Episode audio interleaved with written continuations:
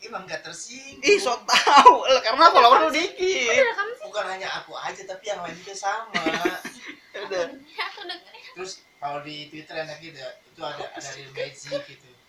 Apa tuh? magic jadi ada orang ada orang-orang pura-pura jatuh sakit terus tiba-tiba bantu bantuin semuanya juga kayak gitu banyak. Bukan twitter Iya, doang Tapi pokoknya ada- sosial media ada gitu yang doang. bilang, nggak ada yang bilang oh apa sih aneh-aneh gitu lah. Semuanya pada menerima kasihan berarti gampang Itu bohong. dibodohi Iya, bahkan tadi Enggak percaya. Sosial nggak media, mau aja. Twitter, mau Instagram, percaya. bahkan itu semuanya pas aku lihat yang buka pencitraan. Twitter ada yang ngirim foto GoPay isin aku GoPay dong banyak yang ngirim sampai seratus ribu dia dapat wah twitter bodoh semua Oh, ya bego. Gampang ditipu. gampang ditipu gampang ditipu bangsa Itu bukan online itu gampang ini ditipu. gini aja kalau misalnya ada hodi ada cowok gitu pakai eh, profil cewek. cewek. terus minta ditransferin uang satu juta wah ditransfer sama anak twitter ya ya enggak lah Oh, enggak. kasihan Oh, mereka. kasihan. Eh, dia kasihan. bapaknya sakit gitu. Itu padahal mau menengahkan gitu. Cuman ngebahas tentang postingan yang double cara kenapa mereka jadi perang media gitu lihat Sos- lihat Kenapa lihat jadi- lihat lihat ada tiga kubu anjir gue mau ngerti gue gue mau jelasin ya yang tadi Gue tuh gak suka kalian berdamai. yang tadi dipermasalahin si Bayus Yuda. Kenapa orang Twitter tuh begitu? Eh kenapa orang Instagram tuh begitu? Itu cuma mencerahkan si Yuda dan si Bayu gitu loh. Nggak ada yang harus diributkan dari hal itu. Tapi mereka malah enakan perang gitu bahas yang lain diperangin Ayo, lu tidak suka kalian nah, nah, nah, nah, jadi kita selesaiin dulu nih masalah yang sepele baru nanti naik lagi ke atas yang lebih gede. Yang bisa mempersatukan cuma Kimi Hime gitu. Kimi Kimi nomor satu udah. Ya udah aku gak jadi kimia aku gak mau Kimi. aku gak mau ngomong aku pulang aja sekarang gak usah ikut podcast ini lagi bye Ya, eh, selamat datang di podcast Berobrol Perspektif Subjektif. Hari ini gue Yuda masih itu baru bareng sama eh, anak-anak generasi perusak kesadaran. Gue mau ngomongin tentang kebijakan Kemendikbud di tahun kemarin sebenarnya. tahu gue udah sekolah Karena ini yang bikin gue resah, Bay. Jadi banyak anak-anak anak-anak adik-adik kita yang habis lulus dari SD sama SMP dia mau melanjutkan pendidikan. eh, kayak ada kontroversi dari kebijakan ini. Udah udah tahu belum kebijakannya apa? Belum. Belum. Udah tahu belum kebijakannya apa? Yang kayak nggak jelas buat adik-adik kita. Eh, eh, pendaftaran bukan. Kartu sehat. Kan, kok terus sehat siapa hubungannya bego? Kerja. oh garansi. Eh asuransi siswa Kan, Ah, Ah, ah, ini kartu- podcast atau games sih? Enggak, gue mau tanya. Pendaftaran. apa sih tadi? PPDB Dihapus dihapusnya UAS. PPDB Eh, guru yang jahat. Eh, biaya biaya mahal eh, kosong. eh, gerbang ditutup. eh, gerbang dikunci. gerbang dua biji. Eh, Park- gurunya mangkir. Parkiran di luar. sekolahnya kebakaran. Apa sih? Sekolah gak boleh bawa motor. sekolah boleh bawa HP. Saat doang. Apa? Ya lu aja habisin ngobrol. Setelah lu ngobrol habis baru gua ngomong. Padahal dia tahu ya. Udah Ya iya kalau lu bener, gua benerin ya lu mau makin ngaco ya gua diem ngapain. aneh nih oke Oke guys, lanjut guys. Jadi kebijakan eh, Kemendikbud sebenarnya dari tahun-tahun kemarin, cuman nggak tahu kenapa Indonesia sekarang tuh lagi sensitif soal apa pun. Yang tadi soal eh, face app, terus soal ini juga kebijakan ini juga. Mungkin karena tahun-tahun politik juga, jadi gampang banget eh, kepancingnya. Sentimennya itu lagi naik orang-orang Indonesia tuh. Ternyata nggak cuman eh, masyarakat-masyarakat masyarakat elit gitu kayak menengah ke atas tapi anak-anak SD terus masyarakat-masyarakat di pedesaan juga ikut sensi soal apa pun nah soal kebijakan yang mau gue omongin itu adalah kebijakan tentang PPDB sistem zonasi Yo, pernah dengar nggak? aku bilang PPDB lu nggak ada zonasinya kan Oh, PPDB salah. sistem Kata zonasi Pak Jojo juga salah. Nah, ini PPDB sistem zonasi ya lu PPDB doang apa Oh, kan gitu harus bener. harus benar harus lengkap dia pendaftaran. PDB pendaftaran. Sekolah, kunci gerbangnya. nah itu kan aneh nih bukan itu lu PPDB cuman pendaftaran peserta didik barunya aja ini kan lebih poinnya ke sistem zonasinya itu pernah dengar nggak sistem Oh, zonasi yang itu apa? yang zona Mm-mm. sekitar tuh eh, sekitar sekolah doang. Mm-mm. Iya, aku udah. Ya, so tinggal eh, kan dulu gitu kan. Iya, nah, ma- nah makanya itu sebenarnya dulu juga udah ada, cuman nggak tahu kenapa sekarang tuh lagi sensitif sensitifnya orang-orang itu soal apa pun diributkan. Tuh, yang yang pengen gue obrolin itu ini sistem zonasi ini. Dulu sempat ada eh, waktu kita baru masuk SMA, sebut saja SMA, sebut saja SMA karena SMK itu. SMK Malu sih. bukan malu. Orang-orang SMK tingkat SMA gitu nah, ya. gitu SLTA gitu kan. Sebenarnya udah ada namanya tuh dulu bukan bukan zonasi namanya tuh billing bina lingkungan. Bila bila lingkungan aja kali. Iya kan disingkat. Disingkat. Aneh. Dulu tuh ada emang dari awal kita masuk juga udah ada ini Iya. cuman persentasenya cuma sekitar 20% sampai 25% kalau nggak salah nah sekarang Kemendikbud sekarang itu Pak Muhajir Effendi lebih menekankan sistem zonasi untuk tahun ajaran 2019-2020 di mana siswa baru yang habis lulus sekolah dasar atau habis lulus SMP yang melanjutkan ke jenjang pendidikan berikutnya diwajibkan untuk memilih atau untuk masuk ke sekolah yang terdekat. Jadi radius sekitar berapa kilometer gitu. Dia wajib daftar di situ jangan yang jauh-jauh. Dia si eh, anak ini punya tiga opsi. Kalau misalnya dia nggak keterima ke sini dia ke yang lain. Cuman lebih dekat lagi masih radius terdekatnya. Kalau anak SMK 1 ya dekatnya ke eh, SMK mana gitu kan ya. Itu. Itu sebenarnya untuk anak-anak yang lulus SD SMP yang mau melanjutkan ke SLTP sama SLTA terus persentasenya lebih besar. Kalau dulu di billing di bina lingkungan persentasenya hanya 20 sampai 25 persen untuk zonasinya itu. Sekarang diwajibkan 60 sampai 65 persen. Masing-masing beda sih. Masing-masing daerah itu beda nah di sini sebenarnya tujuannya itu gue suka tujuannya. Tujuannya Pak Menteri ini supaya nggak ada lagi yang namanya sekolah favorit semua sama. Nggak ada lagi sekolah favorit nggak ada lagi yang namanya lu sekolah di mana? SMK 2 ah SMK 2 mah SMK Buangan misalnya. Lu sekolah di mana? SMK 1 oh SMK 1 bagus nih. Yang nggak keterima. Di SMK 1 SMK SMK 2 SMK 2 buangan semua SMK 1 nomor 1 nah Pak Menteri ini Nomor satu. yang benar. Pak Menteri ini sebenarnya tujuannya baik supaya pemerataan pendidikan juga. Jadi nggak ada namanya sekolah favorit sekolah buangan nggak ada. Dia tuh tujuannya itu. Nah selain itu tujuannya untuk mempermudah transportasi anak-anak biar gampang nyampe sekolahnya biar nggak telat biar nggak terlalu bangun kebagian gitu. Tapi yang tadi gue bilang lagi anak apa orang-orang itu tuh lagi sensitif sensitifnya sama apa pun itu mungkin karena tahun politik juga. Ada ada masalah yang yang mengikuti kebijakan ini gitu tapi sebelum masuk ke masalahnya gue pengen nanya lu tanggapan lu tentang kebijakan Kemendikbud ini tentang sistem zonasi gimana? Lu setuju atau enggak? Kalau enggak lu kenapa? Kalau setuju lu kenapa atau kalau nggak mau setuju atau nggak mau nggak setuju ya minimal lu tanggapannya apa lah Iya betul. Amat. Ya betul. Hancurkan. kita nggak gitu Cia. begitu dong. karena gini gini maksud gua begitu. kenapa gue pengen ngomongin ini Aduh. karena ada ada kasus yang eh, luar biasa ada anak SD yang bakar ijazahnya Tuh. karena nggak masuk sekolah favoritnya dia Gitu. ini ini kenapa Dia gua merasa. ini karena kan adik-adik kita si adik lu masih sekolah adik teteh masih sekolah adik si Bayu masih adik gue masih gue mah sekolah mewakili hati dia yang paling terdalam lagi yang gak ngomong enggak lah janganlah dia dia dia enggak enggak gitu percaya Parah. gitu kenapa gue pengen ngomongin ini dah Iya. gimana lu Gimana ya? Soal itu ya setuju sih.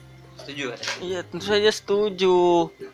Ya, kayak begitu kan supaya yang lebih dekat ya. Jangan, jangan dia jangan sekolah yang jauh. loh. Contohnya kayak teman kita almarhum. Kasihan gua. Padahal ada sekolah yang deket, man. Kita ke rumah dia itu pas lihat ke kanan abis lewat di belok kanan gitu kan. Lewat Ragasi belok kanan, lewat kan. Wih, ada SMK nih kita bertanya kenapa dia nggak di sini aja gitu loh malah yang jauh Nah, kan begitu men. Tapi hasilnya apa? Dia. Re- itu. Ketemu kita.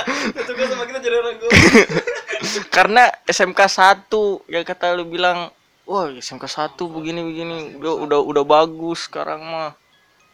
Karena begitu harusnya disamain. Iya.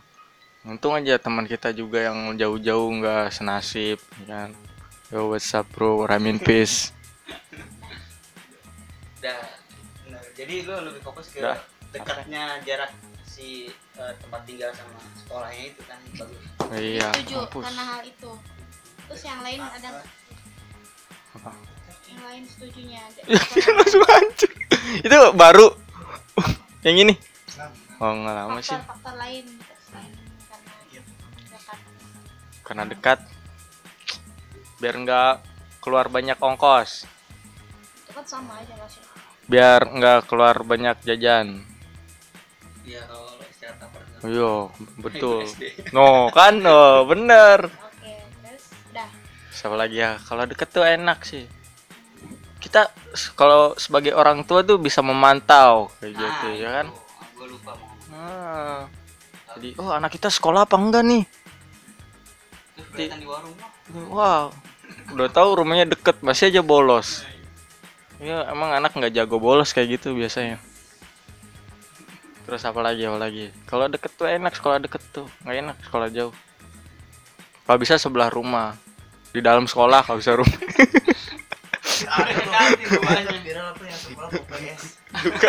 Bener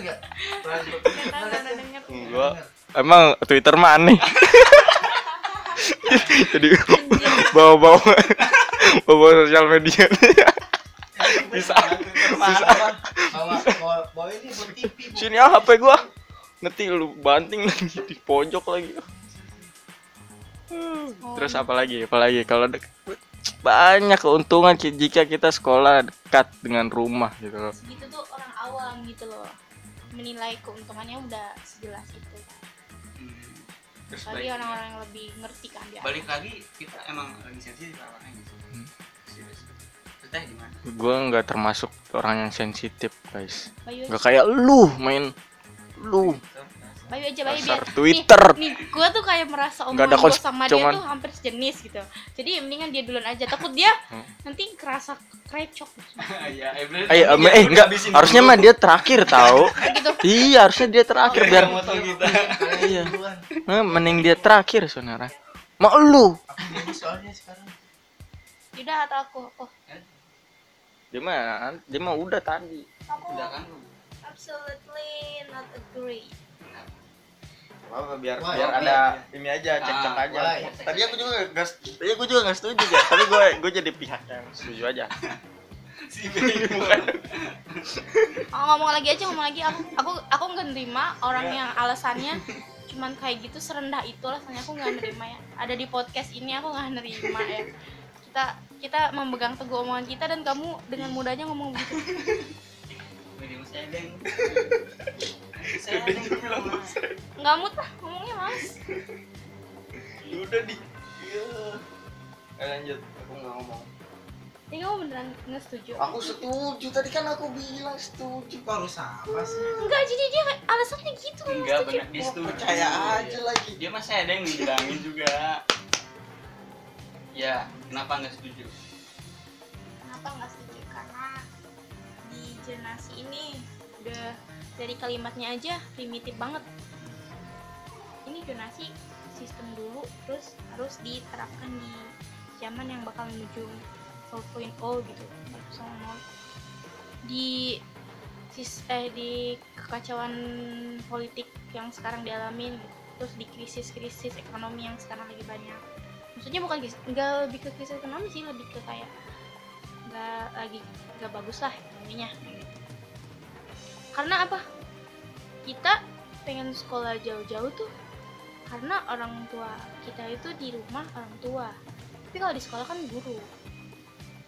Kalau kita sekolah tuh udah bukan ngurusin orang tua lagi udah bukan ngurusin rumah lagi. Semakin jauh kita sekolah semakin kita mandiri semakin kita berkembang. Entah itu anaknya mau jadi tersesat atau jadi apa itu bukan tanggung jawab orang tua.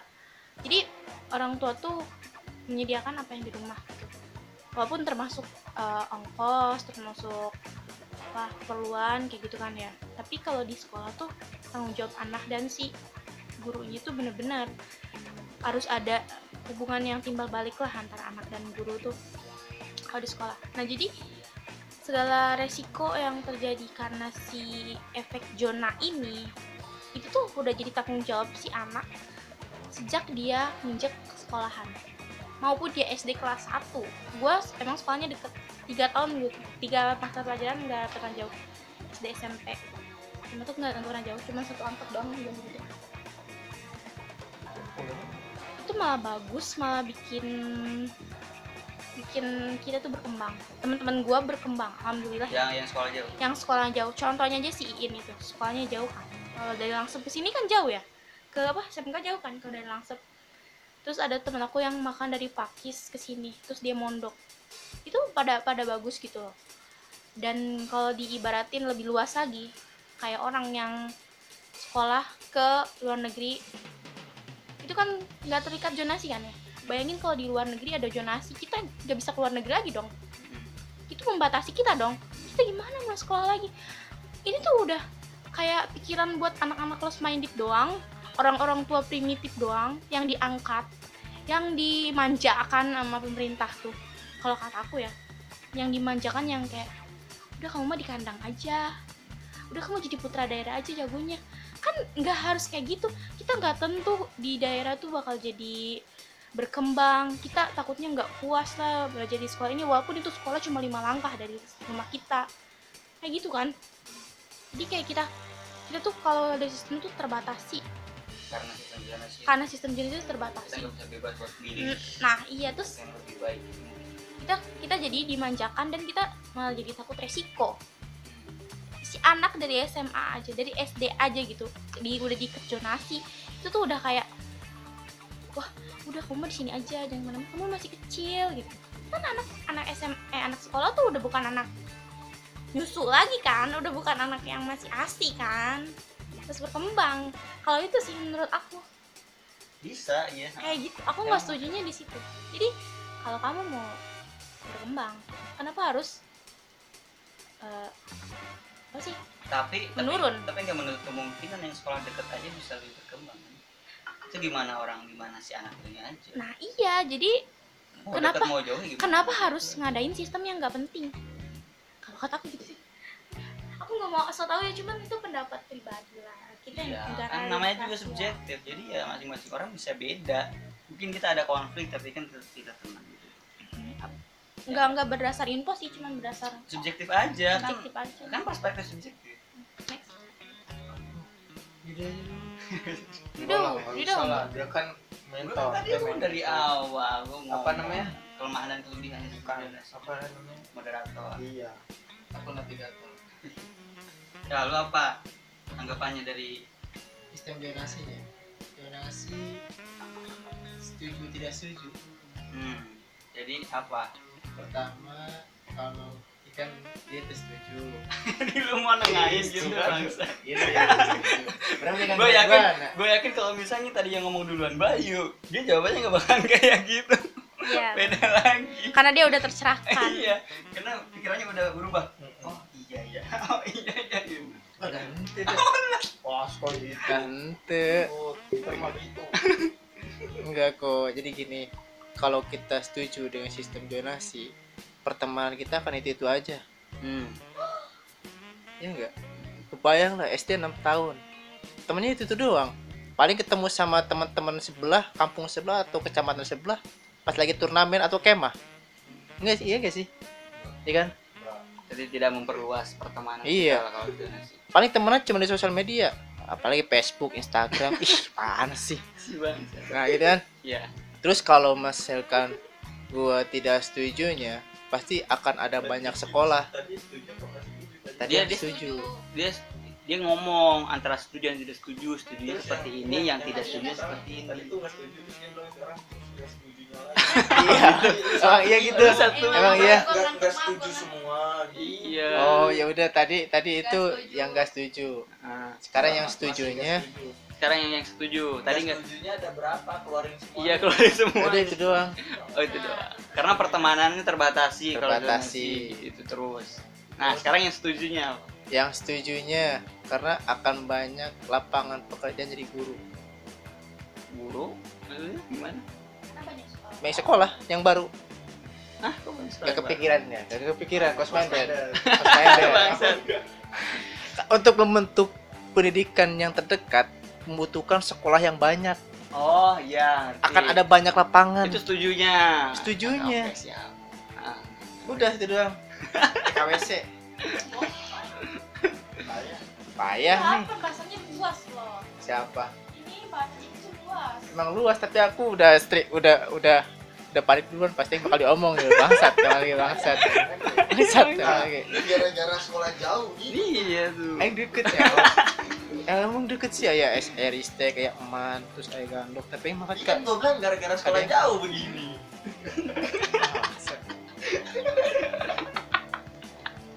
Aing mau deket caklon di, di, di kecing imah kayak mah bener Tuh kan gara-gara sekolah.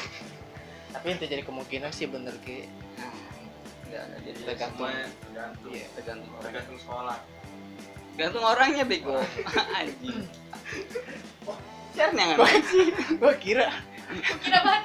gua kebantal gitu geser-geser di cicing Jadi yang Oke, yang disebutin Raka itu emang kelebihannya sistem zonasi, terus yang disebutin TFI itu emang eh, kekurangannya, emang di situ. Emang setiap orang sih eh, punya titik beratnya masing-masing. Kalau Raka titik beratnya ke kelebihannya karena dia setuju, kalau TFI titik beratnya ke kekurangannya, makanya dia setuju. Nah kalau si Bayu gue nggak tahu titik beratnya ke mana. berat Apa ya? Kekurangannya. Ini nggak kedengeran di sini. deketan dong aduh Apa? Eh, titik yang dilebihkannya dari Raka gitu dari kelebihannya ya. Yang Tadi katanya. Nggak gue mau nambahin dulu dari titik Oh, dari Apa? kekurang Soal- kelebihannya sistem donasi buat Raka. sebenarnya bukan untuk eh, siswa aja sih untuk sekolahnya juga. Tadi yang sempat gue bilangin ini untuk menghilangkan eh, apa ya image sekolah favorit image sekolah unggulan image sekolah buangan. Ini juga bukan iya kan gitu kan. Jepang tawuran jadi si Pak Menteri ini mungkin ya mungkin dari Iya. pendapat gua mungkin kalau gua salah maaf. Ini juga buat sekolahnya juga bukan cuman buat siswanya bukan cuman buat orang tuanya bukan buat masyarakatnya buat sekolahnya juga. Buat sekolah buat guru-guru tadi yang disebut kelebihannya Bayu. Jadi nggak ada yang namanya sekolah unggulan nggak ada yang namanya sekolah favorit. Dan kita di Karawang aja deh misalnya. Orang nyangka eh, sekolah SMK Negeri 1 Karawang itu emang unggulan. Enggak bukan gitu. Ter- orang menyangka sekolah yang ada di, daerah kota Kerawang itu unggulan atau bagus. Nah itu deh bisa itu bisa jangan benar. bilang satu background dong. Iya SMA satu. SMK Pokoknya Ya sekolah, udah. sekolah yang ada di, di kota itu unggulan semua atau favorit paling bagus Kenapa gua nggak boleh bilang SMK Karawang? ya gimana ya kan bagus. Kita terlalu menjurus Oh nggak Menargetkan apa Kan misal, objek kan gitu. misalkan aja. Orang Contoh. misalkan tapi kan perspektif orang lain beda oh iya bener Ya sekolah kan- paling bagus ya Kan subjektif gua, terserah gua. Kok lu yang nyolot sih? Soalnya nyolot. bagus men Oke, misalnya Itu SMK introvert ya extrovert ya SMK di kota yang lebih bagus SMK 1 kota gitu. Terus kita di SM, kita deket sama SMK Negeri 1 kecamatan. misalnya. Nah, orang-orang di SMK di zonasi SMK 1 kecamatan itu nyangkanya sekolah SMK Negeri Satu Kota itu lebih baik daripada SMK Negeri Satu Kara SMK Negeri Satu Kecamatan. Nah gitu bisa yang jadi paling ikut ngomong bangsa mampus lagi? anjing mampus. Emang kalau misalnya gue lihat di SMK Negeri Satu Kota emang sih fasilitasnya lebih banyak jurusannya lebih banyak lebih variatif. Tapi tidak menuntut kemungkinan SMK Negeri Satu di kecamatan juga bisa bagus kok gitu. Jadi oh lu sekolah di mana? SMK Negeri Satu kecamatan. Kenapa enggak di SMK Negeri Satu Kota aja? Tuh kan jadi bingung deh jawabnya gimana. Lu buangan ya lu nggak terima ke situ lu pindah ke sini ya. Lu nggak terima di SMK Negeri Satu kecamatan lu pindah ke swasta ya? Gitu kadang juga bukan ke bukan ke ya. orangnya sih ke sekolahan. sekolahannya juga gitu. Cuman yang ada masalahnya juga ada sekolah yang jauh dari pemukiman. Nah itu gimana? Nah itu juga jadi kelemahannya juga. Kalau orang kalau orang menitik beratkan di kelemahannya itu kalau misalnya sekolahnya jauh dari pemukiman dia nggak bakalan setuju sama sistem zonasi. Itu dari gua. Tambahin sirakan nambahin kelemahannya juga. Buat sekolahnya juga kalau udah lagi tentang Jangan lupa like, comment, masih lama bego Si lama deh Udah, lanjut juga. lah. enggak ada yang malam ini tadi Tepi mau ngomong Iya, gue tadi potong tadi yang aku menambahin ada si Raka kan bilangnya kalau udah bingung sekolah jauh nggak bingung ongkos terus dekat dan dekat itu malah malah bukan jadi PR orang tua sih menurut aku malah jadi PR pemerintahnya Hmm. kayak di Jakarta yang transportasi Transjakarta kan dia untuk siswa bebas biaya Dan- kenapa kenapa di daerah itu bukannya dikembangin malah mau diperosotin lagi? Hmm. kenapa kita nggak ditambahin lagi fasilitas yang lebih memajuin daerah malah kita dikurangin lagi? Mau ngebanyakin sekolah lagi kalau misalnya di analogikan analogi analogikan. Analogi. Analogikan dengan masjid ya. Hmm. jadi jonasi itu udah kayak sistem masjid yang satu daerah harus ada satu masjid. Di mana nggak efektif karena kalau kebanyakan masjid justru yang sholatnya sedikit justru yang dicari jama yang dicari berjamaahnya itu makin langka. Nah di sekolah ini kan kualitas siswanya itu yang dicari gitu kan. Kualitas si siswa ini lulusannya ini yang dicari kan. Kalau semakin banyak sekolah yang dijonasiin yang di satu daerah yang apa jadi di situ ditumpuk semua gitu kan. yang satu satu daerah itu doang. Itu kan nggak nggak kayak mau- nggak memungkinkan apa sih? Jadi kayak menutup kesempatan bukan maksud mengurangi kesempatan si siswanya bakal lebih berkualitasan iya karena karena dia juga punya pilihan untuk sekolah favoritnya juga karena gimana? Karena dia pengen di sini nih kayaknya di sini bisa lebih gue bisa lebih memacu prestasi gue bisa lebih memacu skills gue mungkin gitu. Bisa gitu kan? Itu eh, yang tadi kita udah bilang kayaknya pemerintah juga mau buat menunjukkan image Hmm. sekolah ini kan gitu. Terus tidak ada yang sekolah bohongan gitu kan. Atau buat naikin apa peluang di guru nanti terus peluang kerja itu malah apa sebenarnya PR pemerintah lama sih. PR pemerintah lama yang masih ngestak aja gitu yang nggak selesai selesai tapi malah mau bikin tugas baru yang lebih pusing lagi gitu. Ribet lagi. Iya yang yang aneh-anehan gitu. Bukan oh iya sih sebenarnya kan nih iya sih ingat ingat dulu kan SMK negeri satu kota itu kan RSBI kan rintisan Iya, sekolah berstandar internasional. Itu dihapus akhirnya. Yang di tembok itu dihapus. Mas, jadi jadi negeri ya? Ta- di negeri aja Enggak, jadi negeri aja udah. Nggak mau pusing-pusing lagi tentang itu tapi masih aja ada itunya ada embel-embel dari masyarakat bahwa ini lebih baik lebih baik. Ya i- dari pertama itu susah sebenarnya yang benar-benar susah. Dari pertamanya kan kata aku juga sekolah yang ada di kota itu pasti diunggulkan. Karena RSBI dulu dulu karena dulu, kota. dulu, dulu sempet dulu sempet RSBI coba kalau sekolah kecil di daerah terkecil gitu ya dikasih embel-embel gitu aja pasti kan bagus. Aku mau ngambil contohnya yang setahu aku ya jangan di kota kita lah. Kalau kita kan sejelas itu ya masih se seprimitif itulah ya, kalau di kita di kota kita nih. Aku ngambilnya dari Jakarta atau di Bandung ya. Nih ini tuh di Bandung tuh ada nih sekolah SMK 1 atau SMK sampai 10 ibaratnya. SMK 1 atau SMK 10 jadi biasanya semakin besar eh, semakin kecil angkanya semakin bagus sekolahnya kan. Semakin di semakin di kota dan semakin uh, bagus namanya kalau di Bandung atau di Jakarta itu nggak kayak gitu. Ya lebih ke lihat ke mahasiswanya ke fasilitas gurunya murid-murid gurunya. Pokoknya dia tuh bener bukan ngandelin nama sekolahnya tapi nama dan angka itu. nama angkanya tuh udah punya nama sendiri Hmm. gitu loh. Dia tuh punya satu sekolah sendiri. Kayak 45 Bukan udah bagus gitu. Iya bukan berarti ini sekolah terbuang untuk ini. Enggak.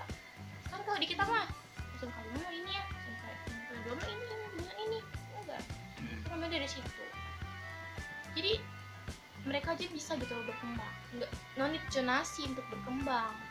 Mereka mereka tuh eh, bagus oh gitu sebenarnya harus diperbaiki itu ya kualitas sekolahnya itu sendiri. Jangan dari harus dihapuskan sekolah apa pun itu. Jadi apa kompetisi kompetisi untuk masing-masing sekolah itu ya harus ditingkatkan. Gitu mungkin ya jadi jalan keluarnya buat masalah yang tadi Ini sistem sekolahnya aja masih berantakan ya maksudnya dana dari pemerintah ke sekolahnya aja masih masih sering nemuin kasus lah. Ini ngapain sih cari yang lain lagi? Kita deteksi dia aja masih belum bisa. Kita ngembangin diri aja masih kurang. Oh, mungkin jadi si apa jalan keluar buat masalah yang tadi yang kayak menghapuskan sekolah-sekolah favorit dan unggulan itu ya dengan cara meningkatkan kualitas sekolah itu sendiri bukan dengan sistem zonasinya gitu. Ini kayak kayak mumpung mumpung kemarin ada kebijakan nikah zonasi sekali aja sih sekolah zonasi emang ada? Mas emang ada? Nggak tahu. nggak dia. tahu gua. Gua nggak tahu. dia nggak tahu dia juga nggak tahu. Emang ada? Aduh tuh bumi. Gimana? segini bakal ada nikah di zonasi guys. Itu mungkin dari dari pertamanya jadi ya, sistem zonasi PPDB sama langsung ke situ kali. Bukan Duluan nikah dulu. zonasi nih masa? Di mana? Gua nggak tahu. Oh nggak Jadi dia lebih lebih banyak. Wah, juga Akun- pulau akun kan. lambe akun gosipnya lebih banyak oke. Bukan bukan kan gosip malah aku ini. Oh anak-anak kampus sih anak-anak kampus oh berarti cerita- anak-anak kampusnya lebih banyak. Oh sekarang kita bisa ini ya? ayo ada yang mau ngomong. Ah. ada yang Ya mau aku OT, cuma aku beda. Enggak ada ada yang ngomong lagi enggak? Dari sistem zonasi Gak ada. Lanjut. pendidikan. dari sistem zonasi ini ada yang mau disampaikan lagi kayak aku aku ngomongnya kayak anti pemerintah banget Iya emang. ya anjir loh pokoknya sesuatu yang kebijakan pemerintah yang dikeluarin lu nggak suka udah iya gue kayak begitu berasanya anjir. ya emang makanya berangkat dari situ kan jadi perspektif ya berangkat dari situ perspektif raka berangkat dari situ dari Itu kesukaan pemerintah. sebenarnya hmm, iya ada ada nggak lu Enggak, nggak ada sih lu kuasa dulu deh biar biar biar enak gitu aku dong sih. lu nggak banyak ngomong biasanya lu banyak ngomong lo kayak gitu kan pada temennya gak suka gue Aku aku udah udah udah prediksi dulu. Aku kalau kamu pasti bakal terus. Ekstrem deh. Aku diem, dia. justru itu jadi nggak nggak manjang Payah. payah nih. Bikin topiknya gak asik. Gara-gara sekolah jauh begitu payah. Oke aku ya aku ya aku nih tentang masalah sekolah zonasi. Tadi aku bilang peluang guru banyak. Peluang guru banyak karena sekolah pasti bakal banyak juga. Udah kebayang lah kalau misalkan ambil zonasi. Kita ambil satu contoh. Kalau satu kecamatan satu sekolah dari tiga tingkatan dari SD, SMP bahkan sampai tingkat atas SMA atau SMK. Kalau SD itu mungkin ada ada satu ya. SD ada SD ada sekolah formal sama sekolah non formal itu kalau pakai sistem zonasi loh. Dengan baik terus kalau SMP ada SMP ada MTS ya MTS terus sekolah yang kedua tingkat atas itu ada tiga jenis mungkin. Kalau misalnya pakai sistem, pakai sistem zonasi. Ada SMA SMK atau MAN sistem zonasi. Jadi dalam satu kecamatan itu bisa bikin berapa sekolah ya SD, MI, SMP, MTS, SMA, SMK, MAN. Ada tujuh sekolah yang akan dibikin di satu, Di satu kecamatan. oh kita juga ada cuma satu ya Dan satu. pertanyaan aku, apakah Indonesia mampu? Bisa. dan kabar bahagia mengenai guru mau ke mana ntar dulu Hah? apa bantuin apa ngapain? Oh iya. Terus ya eh udah itu aja. Apa kabar bahagia mengenai peluang guru itu? Oh kalau masih misalnya diterima? Hmm. itu sih. Jadi dalam satu kecamatan itu bisa dibikin tujuh sekolah. Sebenarnya eh, dari yang gue baca di sistem zonasi ini hanya untuk apa memeratakan si sekolahnya ini sih. Nggak nggak nggak ada wacana untuk membangun sekolah baru sebenarnya. Tapi mungkin bisa juga kalau ya, misalnya kalau misalnya dalam satu kecamatan gak ada sekolah apa pun yud Mm-mm, dalam satu kecamatan misalnya kita sebut kecamatan X dia nggak ada sekolah terus harus zonasi. Berarti mau nggak mau di kecamatan X itu dibikin sekolah tujuh sekolah langsung. Nah, itu untuk yang misalnya kecamatan S nggak ada sekolah. Tapi gue yang sejauh yang gue baca, kalau misalnya sekolahan X di kecamatan X itu nggak ada sekolah, dia nyarinya sekolah yang lebih dekat dari kecamatan X itu. Kan dari kamar? Ada yang gede. Kan di pinggir.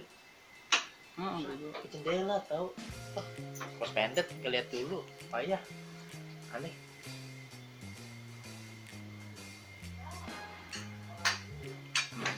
Ya sejauh dari yang gue baca belum ada eh, wacana untuk membuat sekolah baru. Misalnya di kecamatan X nggak ada sekolah. Terus untuk karena sistem zonasi harus dibikin sekolah baru sejauh yang gue baca belum ada wacana itu. Cuman kalau misalnya sekolahan di kecamatan X itu nggak ada, dia nyari ke, ke kecamatan yang ada sekolahnya yang terdekat. X dekatnya sama apa sih? OPQRX. Iya. Y, ya misalnya di kecamatan Y ada, nah dia bisa ke kecamatan Y. X Y Z X Y dulu kalau bisa X Y Z Kenapa Jadi kalau- ke belakang ke ke depan kan lebih itu. jauh. kan Jadi kalau di X nggak ada sekolah bisa ke Y meskipun zonasi kan maksudnya zonasi itu bukan satu kecamatan harus di kecamatan itu enggak. Jadi zonasi itu dalam radius berapa kilometer dia bisa masuk ke mana. Nah kalau misalnya perbatasan nih X sama Y dia perbatasan tapi dia lebih dekat ke sekolah Y bisa dia masuk ke Y. kan kata aku juga kalau diantar itu nggak ada dua-duanya Mm iya makanya gue bilangin kayak sejauh yang gue baca belum ada wacana itu. Tapi mungkin bisa juga kita nggak tahu.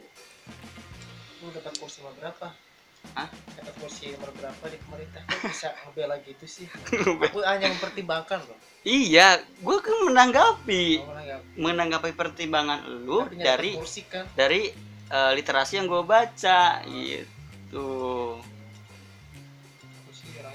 rusak sih Lama. Terus gue menitik beratkan ke satu masalah. Masalah yang sempat gue bahas, yang gue sebutin tadi. Ada eh, orang anak lulusan SD. Dia mau ceritanya mau masuk SMP favorit. Karena ada sistem zonasi, dia nggak bisa masuk ke situ. Dia harus masuk ke eh, radius sekolah terdekat di domisilinya dia. Dia kecewa dan akhirnya dia ngebakar ijazah atau sertifikat sertifikat itu. Selagi yang gue sertifikat kayak eh, ranking. Ranking kan dapat sertifikat kan? Rank, ranking satu dapat sertifikat. Terus lomba apa dapat sertifikat? Entah ijazah entah sertifikat. Kurang jelas juga di beritanya. Nah dia tuh sampai ngebakar itu karena dia karena dia nggak apa nggak bisa masuk ke sekolah favoritnya gitu loh. Maksudnya segitu pentingnya kualitas sekolah untuk perkembangan si murid ini kalau aku sih itu nggak belum tahu ya. Yang aku lihat yang aku lihat sama Pak di Instagram nih aku lihat. Oh anak Instagram. Belum Ada- ada kampus sama bapaknya. Karena nggak nggak UKT UKT itu apa sih kalau kuliah ujian kenaikan tingkat. Ah punya kenaik itu kenaikan biaya tingkat, biaya biaya. bayar. Itu nggak masuk zonasi kali itu beda beda. maksudnya kan sistemnya pendidikan juga. Beda beda kasus itu Ya, mah beda kasus jadi yang yang dipermasalahkan ini sama gua itu sebenarnya seberapa pentingnya kualitas sekolah untuk perkembangan anak apa ya gimana anaknya mau sekolahan di mana juga kalau dia mau berkembang dia pasti berkembang atau ya gimana sekolahnya kalau sekolahnya bagus anaknya pasti bagus ah gitu Nah, gue pengen tanya itu. Menurut lu gimana soal itu? Menurut lu lebih ke ya gimana anaknya lah mau sekolah di mana pun kalau dia mau berkembang dia pasti berkembang atau gimana sekolahnya sekolahnya bagus anaknya pasti bagus di situ yang Coba. siapa aja Gue sih. Oke guys, sini gua aja lah. Emang pada payah nih nggak ada yang modulan. Jadi siapa sekolahnya apa anak muridnya? sampai-sampai dia pengen Anak, masuk anak, ke Iya. favorit Ini siang tuang bakar jasa di sini Ini di apa? sana Iya. ada makanan apa sih? Iya benar. Di Keller itu. Toples. Nggak ada. Ada. sampai bocah aja kecewa gitu nggak tahu dia mikirnya apa Dia SD apa SMP? SD dia lulus SD mau ke SMP ngasih ke favorit Hmm. karena ada sensasi dia nggak bisa Berarti dia udah kayaknya dia kecewa dia bakal jasa dia udah ngerti Itu, betul ya. itu ngebakar jasanya sesudah ada sejarah. sudah dia mau daftar nggak bisa Terus akhirnya dia kecewa balik ke rumah dia bakal jasa di video ini Iya. Kata gua mah anjing rusak. Kata mah ya. Kasihan bego dia. ayo buruan begitu gua mau ngomong. bisa udah ditutup mana tuh aja ya Ini gak ada yang bikin es. oh iya seret nih kalau makan Coba yang ngadep sana. coba yang Coba yang paling deket. yang deket sana gua kan ngadep sana. ini mas seret nih Itu punya kamu. Yang Nah. habisin yang Indonesia. Masih buat sama ngopi. Nah, aslinya gua mau ngomong eh. Oh, gimana kan ngomongnya? Oh, apa sih? Dipotong aja. Kata dia tuh mau diedit katanya. Sing upload. Ayah. Ayah. Mau di pause anjir. Kan. Enggak, itu mulai mas. Oke, Dia lu bilang. ya yang ngomong. Gak aku pengen intermezzo dulu tau. Ya lama. Apa apa? Dia, dia, dia lu bilang. Nanti kalau rekaman mau gak mau editing langsung upload aja kan.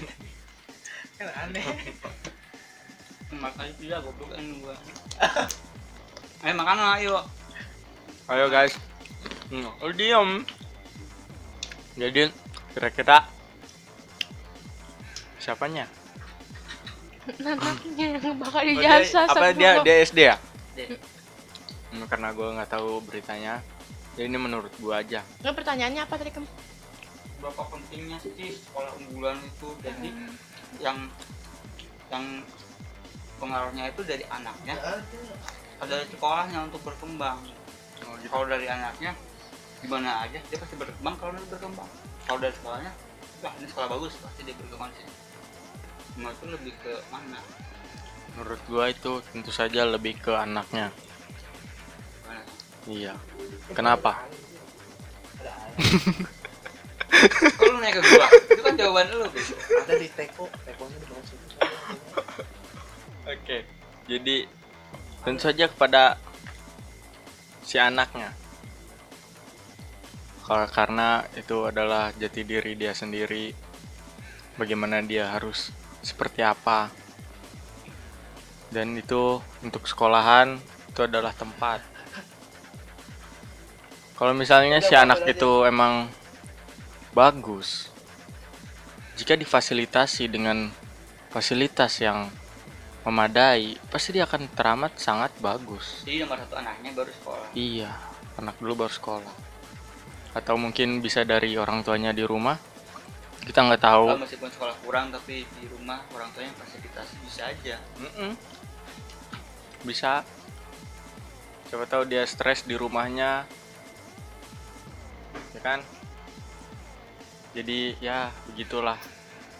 Kalau menurut gue mah dari anaknya sih mau mau to- sekolahnya bagus, tapi kalau anaknya dikasih fasilitas sekolahan yang bagus, dirusakin dirusakin, ya kan? WC pintu bagus dicoret-coret, pakai hmm. mesum, bangsa.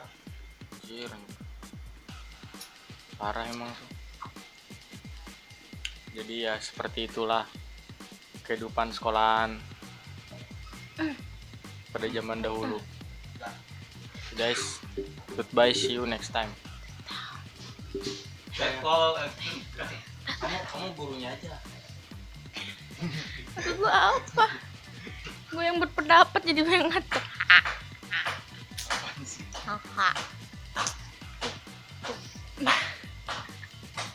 Gandeng bodoh. lanjut. Eh, kalau menurut aku ini karena si zonasi ya.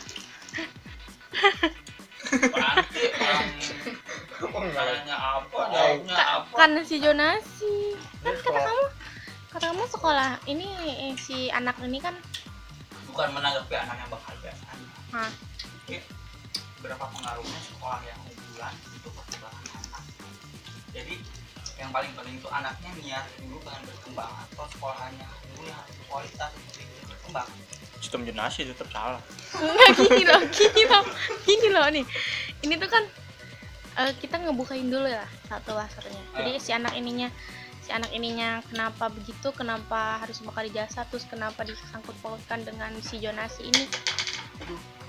Karena dari dulu tuh yang namanya sekolah favorit tuh ya udah jadi udah jadi eh bintang gitu loh, udah jadi punya sendiri udah punya image sendiri nah kalau si anak nggak masuk situ tuh dia tuh kayak ngerasa gagal sebagai murid gitu. Jadi dia udah tidak memenuhi kualifikasi. Padahal bukan karena alasan dia gagal nggak masuk nggak lulus tapi gara-gara si jonasi ini. Itu tuh si- simbol dari kekecewaan dia sendiri kan. Ngebakar jasa kayak gitu tuh. Apalagi dia masih SD masih labil. Nah kalau dari segi uh, apa pengaruhnya si jonasi ini sama sekolah atau sama perkembangan si anak itu ke eh si jonasi kenapa jadi si jonasi iya. salah salah salah. enggak ini bukan bukan bukan. Apa pengaruh si sekolah favorit ini ke perkembangan anak? Aku salah aku ralat. Apa sekolah favorit ini ke si anak. Membiarkan dia sadar. Jadi jadi si anak itu kalau udah di lingkungannya sekolah favorit dia udah menemukan eh, ke apa kriteria buat dia berkembang gitu dia tuh ngerasa dia cocoknya di sini Heeh, jadi nah iya jadi dia nggak tahu ke depannya kayak gimana ya namanya juga masih anak kecil kan namanya juga anak-anak Daisy Kita dari perspektifnya dia. Iya, ada dari, dari perspektif dia. Jadi dia tuh kayak kalau dia nggak kalau dia di sana tuh dia tahu harus ngapain. Dia punya gambaran, dia udah kayak punya plan sendiri lah ibaratnya. Udah udah senang sendiri gitu loh kalau di sekolah favorit tuh. Maupun dia jauh maupun dia apa? eh susah masuknya tapi tetap dia mau masuk ke situ kan. Walaupun dia susah lulus atau nggak bisa masuk dia udah udah memantapkan hati lah kayak gitu kalau udah di, udah diri kan begitu ya Ya, cuman kan kalau anak kecil mah udah pengen di situ udah pengen di situ nah nah jadi kalau kita udah di di niat di di, di kita udah ada niatan begitu aja ke sananya tuh bagus gitu loh kembangnya kan ya. Eh, iya jadi kalau li- kalau lingkungannya udah kalau lingkungannya udah ngedukung terus diri kitanya udah bersemangat gitu. Iya jadi lebih mudah dari rintangan-rintangan sedikit bisa lah nggak nggak sampai jatuh terus disoledet banget gitu kan ya di sekolahnya. Nggak sampai jadi nggak naik kelas atau gimana. Kan itu udah jadi kayak faktor gitu. Faktor dia berkembang kan salah satunya. Segitu aja udah sebesar itu dampaknya. Nah kalau misalnya dia nggak bisa gitu.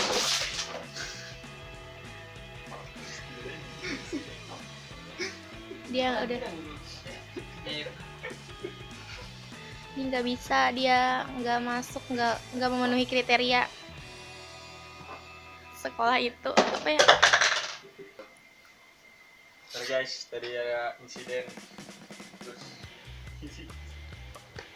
ya kalau dia masuk sekolah favorit dia ada gambaran bagi dia sana sama dia berkembang terus? Hmm, lingkungannya ngedukung. Terus kalau dia nggak bisa masuk dia ngedown sendiri. Terus dia kayak membatasi diri terus kayak apa memulainya tuh kayak kurang bersemangat lah memulainya tuh step awal awalnya tuh lebih ke ya gue udah sisaan masuk di sini kayak gitu. Kan jadi susah dia. Jadi berkembangnya susah gitu. Iya kalau anak-anak kecil tuh kan kayak gitu sih. Apa sih? Simple aja kita pikirnya. Pikir anak kecil gitu. Nah itu kalau dari perspektif dia nah kalau dari perspektif teteh lebih kenal mana kalau sebagai orang dewasa nih ya. Hmm. orang dewasa sekolahnya lah sekolahnya. Sekolahnya. Ini yang yang kebanyakan gitu loh yang kebanyakan. Enggak teteh oh gitu. Enggak aku punya dua dua dua subjektif. Ini yang orang-orang tua kebanyakan nih. "Hmm, sekolahnya bagus pasti anak gue jadi bagus nanti di Itu situ. nah iya terus kalau peserta aku mah kalau anak aku di mana aja bagus aku tahu misalnya gitu. Anak aku ini aja bagus dia pasti mau sekolah di mana itu terserah dia. Aku ngasih Oh, gitu. gimana Gimana? gimana anaknya? Aku menyerahin ke anaknya kayak gitu. Soalnya iya jadi aku sebagai orang tua tuh udah mempercayakan diri ke anakku gitu. Kalau misalnya bermasalah baru kita komen. Soalnya kayak ini sekolah ini banyak nih riwayat jeleknya. Tapi dia pengen masuk situ ngapain kan? Nah. Pasti ada pasti ada apa ya diskusi lah diskusi lah. Kenapa maksudnya? Kayak gitu tanya-tanya nah itu faktor berkembangnya kalau dari yang dewasa yang ngerti gitu. Dari saya dari aku gitu. lebih ke kayak gitu sih. Kalau anak aku berkembangnya di eh berkem dari apa dari yang aku kenal gitu ini dari aku tahu udah cukup bisa ngendal diri atau atau dia butuh belajar lebih dia harus sekolah ini dia sekolah ini ya udah. Nggak nggak bukan karena faktor sekolah tapi ke faktor anak. Mungkin dari kasus yang bakal jadi mungkin labil. Masih labil SMP hmm. belum ngerti belum bisa pakai perspektif. Dewasa itu kan dan dan dia tuh adalah generasi 2000 di mana terlalu dimanjakan kan di milenial kan agar entahlah yang jadi uh, sentimennya naik itu bukan cuma masyarakat dewasa hmm. Kecewa gitu. Sosok sosok dewasa gitu loh. Sosok tua mendadak. Guys.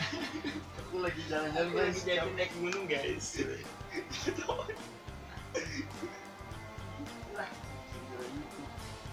Udah next. Jadi Bayu ke mana?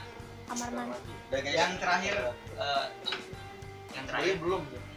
Enggak. Biar yang terakhir? Eh, terlepas dari lu setuju atau enggak soal sistem lu ada tips-tips uh, nggak buat anak, buat adik-adik kita yang mau pendidikan eh, SMP atau SMA? Mau, mau SMK sama jadi SMA ini. ada tips-tips nggak buat adik-adik kita yang sebenarnya udah sih kan ini udah udah udah lewat cuman mungkin tipsnya ini berlaku setelah dia masuk terima atau ini terlepas dari lu setuju atau enggak Buat anak-anak aku tipsnya karena eh, apa ya secara tidak langsung aku tuh sudah merasakan efek zonasi kan namanya cewek ya masuk SMA aja jangan di situ situ mah jauh ke, ke Dengkok jauh. Karena gue ke SMA SMA Dengkok aja eh SMA Gandok aja satu mobil satu arah. Aku tadinya mau ke SMA satu Karawang aku pengen main jauh. Terus nggak diizinin aja terus aku kayak ke satu dengklok. Nggak diizinin juga tapi untuk maksa sendiri gitu. Maksudnya bukan maksa sendiri sih nerima orang tua tuh percaya. Jadi udah kalau udah kamu apa masuk dengan setengah hati kata ibaratnya udah kok nggak keterima sih di sini? Atau kok aku harus ada di sini sih? Kayak ngerasa aku nggak tepat nih berada di sini. Kita tuh kita tuh nggak selamanya tahu apa yang bakal jadi di depan. Bakal terjadi eh, di hari-hari sekolah kita. Kita eh, kita buanglah sisi-sisi kekurangan yang kita lihat dari sekolah kita tuh. Kita buanglah ketidaknyamanan yang kita rasain tuh. Kita fokus aja ngejalanin hari-hari sekolah fokus aja bikin temen yang banyak bikin koneksi bikin pengalaman baru kita fokusnya tuh ngebentuk diri bukan ngebentuk nama atau ngebentuk uh, isi dari ijazah kita isi dari rapot kita. Kita kita tuh sekolah bukan cuman soal nilai bukan cuman soal prestasi akademik tapi kita sekolah tuh buat mendidik diri kita kayak gitu. Itu motivasi sih itu soalnya aku ngalamin sendiri. Jadi ya kita kita mungkin di SMK favorit bisa masuk. Tapi kita bu cuman jadi semut di antara kerajaan eh kerajaan negara semut. Gimana ya sih. Sa- sem- salah satu semut di sarang semut. Kelihatan. Nggak kelihatan gitu. Kita di SMK lokal gitu misalnya di sekolah lokal kita bisa jadi ratu semutnya kan? Kayak bisa jadi belalang. Ya mendingan enakan kayak gitu ya bisa jadi bawang bisa jadi yang Wah, yang membunuh semutnya anjir kejam biasa aja Bulan mana? sekalian di kelas? Hmm. Keren. Mm-mm. ranking dua apa ya Kau kerasa kali. itu itu rankingnya adalah dari nilai gaib gitu kata dia KM ya, sebenarnya kalau ngomong sih gue juga dari SD juga peringkat satu kali Itu berarti murid-muridnya. Mungkin nah itu mungkin bisa masuk. Jadi kita kita tuh masih rata-rata. Cuman karena teman-teman kita di bawah rata-rata kita jadi terlihat. Kalau misalnya kita di atas rata-rata kita masuk ke kelas atau sekolahan yang semuanya di atas rata-rata kita jadi nggak terlihat. Aku masih di kampus. Mungkin gitu. Mungkin gitu. Itu nah, gitu. Gue di kelas sekarang di, di kelas juga kayak gue di atas rata-rata nih. Tapi banyak yang di atas rata-rata jadi agak kurang. Aduh jadi aku- aku tertimpa. Gua tertutup. tak nampak. Mungkin gitu. Udah ayo lu udah apa Apa? tips-tips buat adik-adik. Tips buat adik-adik yang udah masuk Kecil. Oh, udah udah keluar.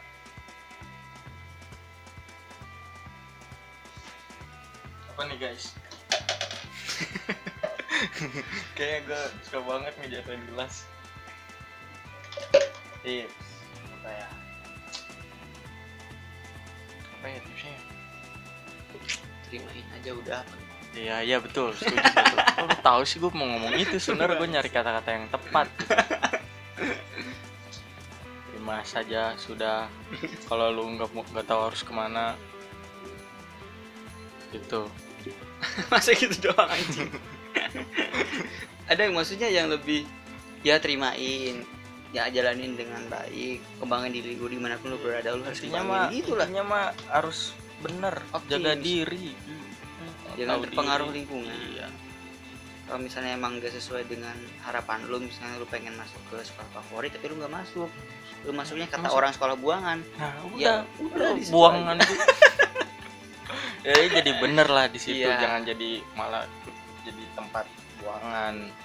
Gitu ya gak yang penting harus benar. Jangan sampai melenceng. Jaga Iya. diri ya. Heeh. Sebagai begitulah tipsnya. Wherever you go take care di mana pun yourself. Heeh. apa Ya, namanya kadang gue agak kurang setuju sih kalau ada. Mungkin ini riwayat atau apa pun yang gue nggak ngerti. Yang katanya kalau lu bergaul sama eh, penjual minyak wangi lu akan wangi. Kalau lu bergaul sama tukang sampah lu akan bau sampah. Gue agak kurang relevan sama istilah ini. Sebenarnya kalau kita emang udah wangi kalau kita udah baik di mana pun kita berada kalau kita udah teguh pendirian kita udah jati diri kita udah kuat ya kita akan tetap baik gitu. Iya. meskipun orang lain ngelihatnya dia gabungnya sama orang-orang mabok. Pasti dia juga gitu meskipun orang-orang melihatnya seperti itu tapi kalau dia udah kuat dia nggak bakalan seperti Ya, itu. Soalnya dia nemenin doang dia jaga. Oh ada polisi. Iya. Tapi dia juga kena. Tapi dia juga Ya, kan itu kena resiko. Resiko Nah, aja. gue agak kurang relevan sama eh, riwayat itu katanya kan. Kita harus milih-milih teman milih teman yang bisa mengembangkan diri lu. Milih lingkungan yang bisa membuat yang bisa menjauhkan duit milih setem- lingkungan yang bisa bikin lu berkembang. Sebenarnya kita jangan milih-milih lingkungan. Di mana aja kita masuk tapi dengan catatan kita harus sudah kuat. Jangan mudah terpengaruh. Pengaruh. Jangan mudah pancing diajak mau. Sebenarnya Wow. itu. Itu sih tips gue dari tadi bener kan ya, ya? Masuk ya? Kayaknya Oke. udah. Si Bayu lagi di kamar mandi. Curiga gue curiga dia nyoli. Dia. daripada fitnah kan iya kalian aja. Daripada fitnah kan mending iya. kalau fitnah kan nggak jadi boleh. nggak boleh kita dosa mending dia. Dia nyebarin fitnah dosa juga. Ning iya.